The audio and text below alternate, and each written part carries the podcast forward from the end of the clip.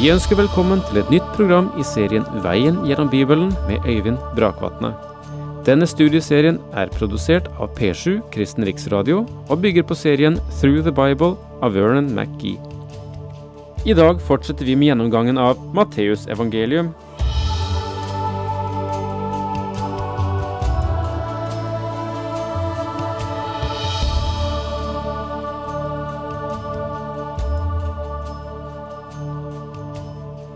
Ja, jeg ga dere en liten nøtt i forrige programmet.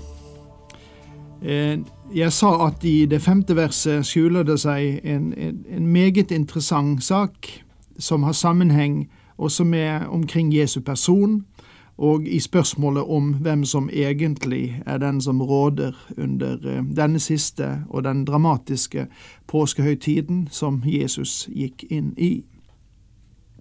Nå vel, det er interessant for meg. Jeg vet ikke om det er like interessant for dere. Av og til så formaner min hustru meg og sier at eh, du tror at alle folk er interessert, like interessert i det som du er. Og det er nok ikke alltid så. Men noe interessant syns jeg det er i vers 5 i Matteusevangeliets 26. kapittel. Og vi leser det verset om igjen. Overprestene og folkets eldste kom nå sammen i embetsboligen til øverstepresten Kaifas og bli enige om å gripe Jesus med list og få ham drept. Men ikke på høytiden, sa de, ellers blir det oppstyr blant folket. Og Det interessante her synes jeg er at i vers to sier Jesus til sine disipler at han skal dø.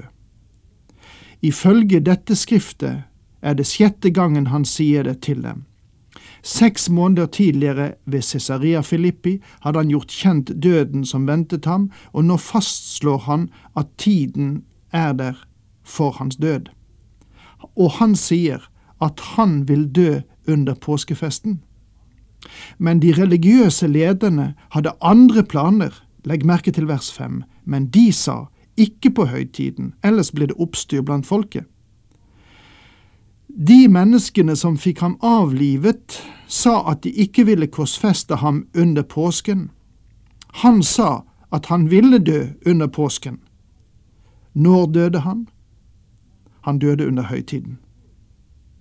Her ser du at det er Jesus og ikke hans fiender som fastsetter tiden for hans avretting. Det er han som har tømmene. Han er kongen i Matteus evangeliet, og når han synes mer hjelpeløs og svak enn noensinne, så er han fremdeles den som styrer hendelsene. Det bitre hatet som hadde utviklet seg hos hans fiender, ledet dem til å planlegge og skaffe ham av veien. De ønsket å gjøre det på sin måte, men det fikk de ingen tillatelse til. Jo nærmere Jesus kom korset, jo mer kongelig blir han. Det er han som bestemmer. Nå går vi fra denne hendelsen til en som kaster et forunderlig lys over denne epoke, og nemlig salvingen av Jesus. Mens Jesus var i Betania, hjemme hos Simon den spedalske, kom det til ham en kvinne med en alabastkrukke full av kostbar salve. Den helte hun ut over hodet hans mens han satt til bords. Betania var kjærlighetens sted som Jerusalem var hatets sted. Han oppholdt seg i Betania de siste timer før sin død. Denne hendelse fant sted i Simon den spedalskes hus. Hvorfor kalte de ham Simon den spedalske? Hadde han spedalskhet? Det var nok en tid da han hadde denne sykdommen, men Jesus hadde utvilsomt helbredet ham. Nå er han i stand til å sette seg ned og ha fellesskap med den Herre Jesus og andre som deler bordsfellesskapet i hans hjem. Og dette er en vidunderlig scene, mine venner. Herrens fiender i dag kjenner ham ikke. De kjenner ikke den Herren som helbredet, som viste kjærlighet, som gråt og dømte. Angrepene på Jesus finner sted hver eneste dag, også i vårt eget land. Men de som kaster seg inn i denne kampen, kjenner ham ikke. De er åndelig spedalske. Når du har kommet til Jesus og har blitt renset av ham, så kan du sette deg ned og ha fellesskap med ham. Og det er denne situasjonen vi har i dette skriftavsnittet. Mens de spiste, kom en kvinne. Og Johannes i kapittel 12 vers 3 sier at det var Maria. En kvinne kommer til Jesus med en alabastkrukke med kostbar salve og salvet hans hode og hans føtter med denne velduftende salve. Johannes forteller også at det var Judas Iskariot som innledet det negative anfallet mot henne, selv om alle disiplene var enige med ham. Så Judas må ikke bli stående alene her med denne skylden, om vi ser på det slik, da. Disiplene så det og ble forarget. Hva skal denne sløsingen være godt for, sa de. Jeg undrer meg på hvor mye de egentlig brydde seg om de fattige. De minner meg om mennesker i vår samtid som alltid snakker om å ta vare på de fattige, men selv ikke gjør noe med det. Og det er flere ytterst velstående som også politisk taler om store programmer for å hjelpe i både den skjulte og åpenbare sosiale nød, men som selv ikke er villig til å satse noe av sin egen kapital. Har du noensinne forsøkt å finne ut hvordan du personlig har reagert overfor den som er på livets skyggeside? Det er mye hykleri ute og går også i vårt land. Beviset for den personlige redelighet ligger alltid i spørsmålet om hva du selv er villig til å gjøre. Forsøker du å gi et godt inntrykk, eller forsøker du virkelig å hjelpe mennesker? Salven kunne jo vært solgt for mange penger til hjelp for de fattige. Det er nøyaktig og riktig nok. Den kunne ha vært solgt for mye. Det er anslått at kjøpesummen ville tilsvare en årslønn for en jordbruksarbeider. Men Jesus merket det og sa til dem, Hvorfor plager dere henne? Hun har gjort en god gjerning mot meg. Hva angår oss kristne, burde vår givertjeneste være merket av at vi ønsker å ære og opphøye vår Herre og Mester. Det samme sinnelag som var i ham, skulle jo også være i oss. Når det gis en kjærlighetsgave i Jesu navn, så sa han selv at det var en god gjerning. De fattige har dere alltid hos dere, men meg har dere ikke alltid. De av oss som sier at vi stoler på Kristus og ønsker å ære og herliggjøre ham, burde gjøre enda mer i hans navn også i dag. Da hun helte denne salve ut over mitt legeme, salvet hun meg til min gravferd. Sannelig, jeg sier dere, overalt i verden hvor evangeliet blir forkynt, skal også det hun gjorde, fortelles til minne om henne. Simon den spedalskes hus i Betania var et sted med lys og vennskap for den Herre Jesus. I motsetning til det var Jerusalem hatets sted. Han tilbrakte ikke en eneste natt i Jerusalem under den avsluttende uke, men han dro ut til Betania og var hos mennesker som elsket ham. De som ønsker å ha ham hos seg, som elsker ham, er de som han har fellesskap med også i dag. Min venn, du kan ha fellesskap med ham om det er det du ønsker. Den vakre historien om den knuste alabastkrukke, eller alabasterkrukke som vi sier i den gamle oversettelse, har fylt verden med sin gode duft. Herren selv sa, overalt i verden hvor evangeliet blir forkynt, skal også det hun gjorde, fortelles til minne om henne. Og vi fortalte det også nettopp nå. Jeg vet at folk taler om å være i den apostoliske suksesjon eller videreføring, men jeg skulle gjerne ønske å være i Marias suksesjon.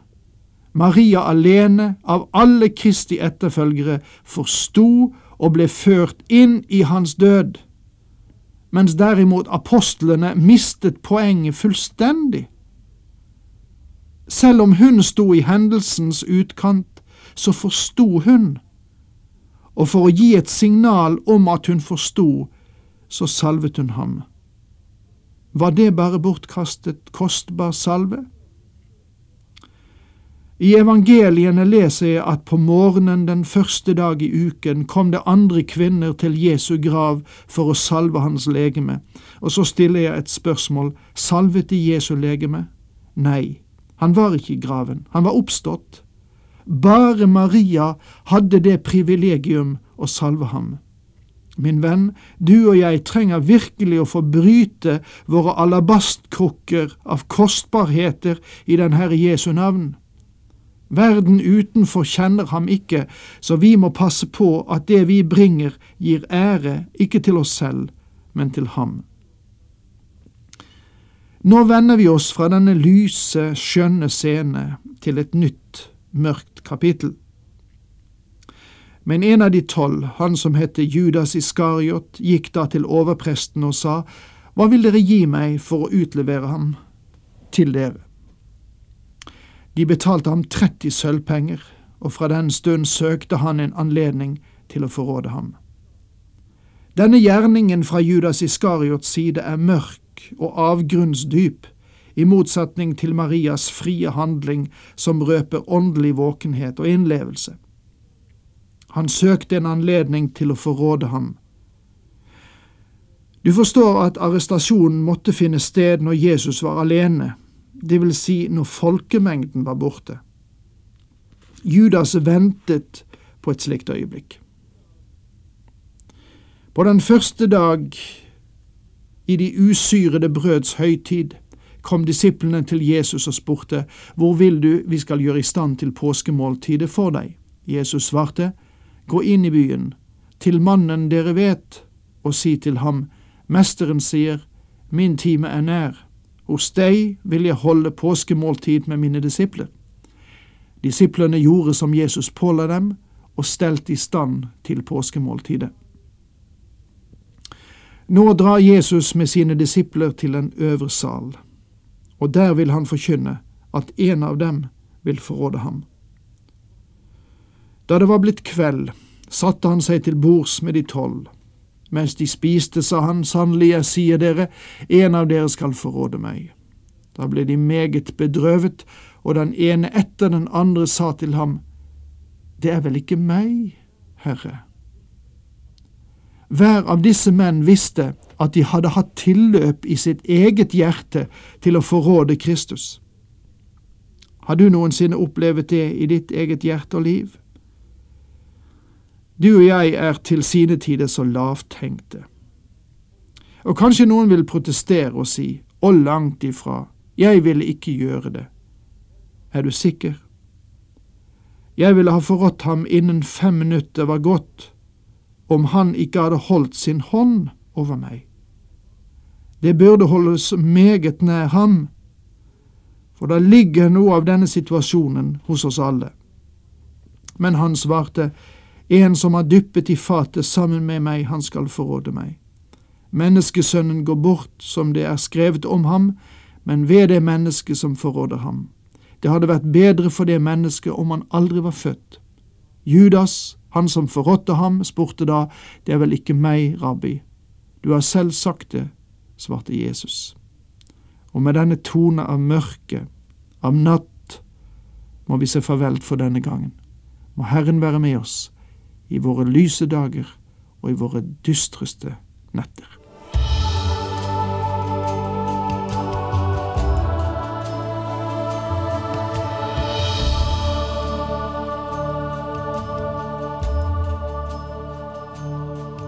Du hørte Øyvind Brakvatne i studieserien Veien gjennom Bibelen. Serien bygger på et manus av Vern McGee.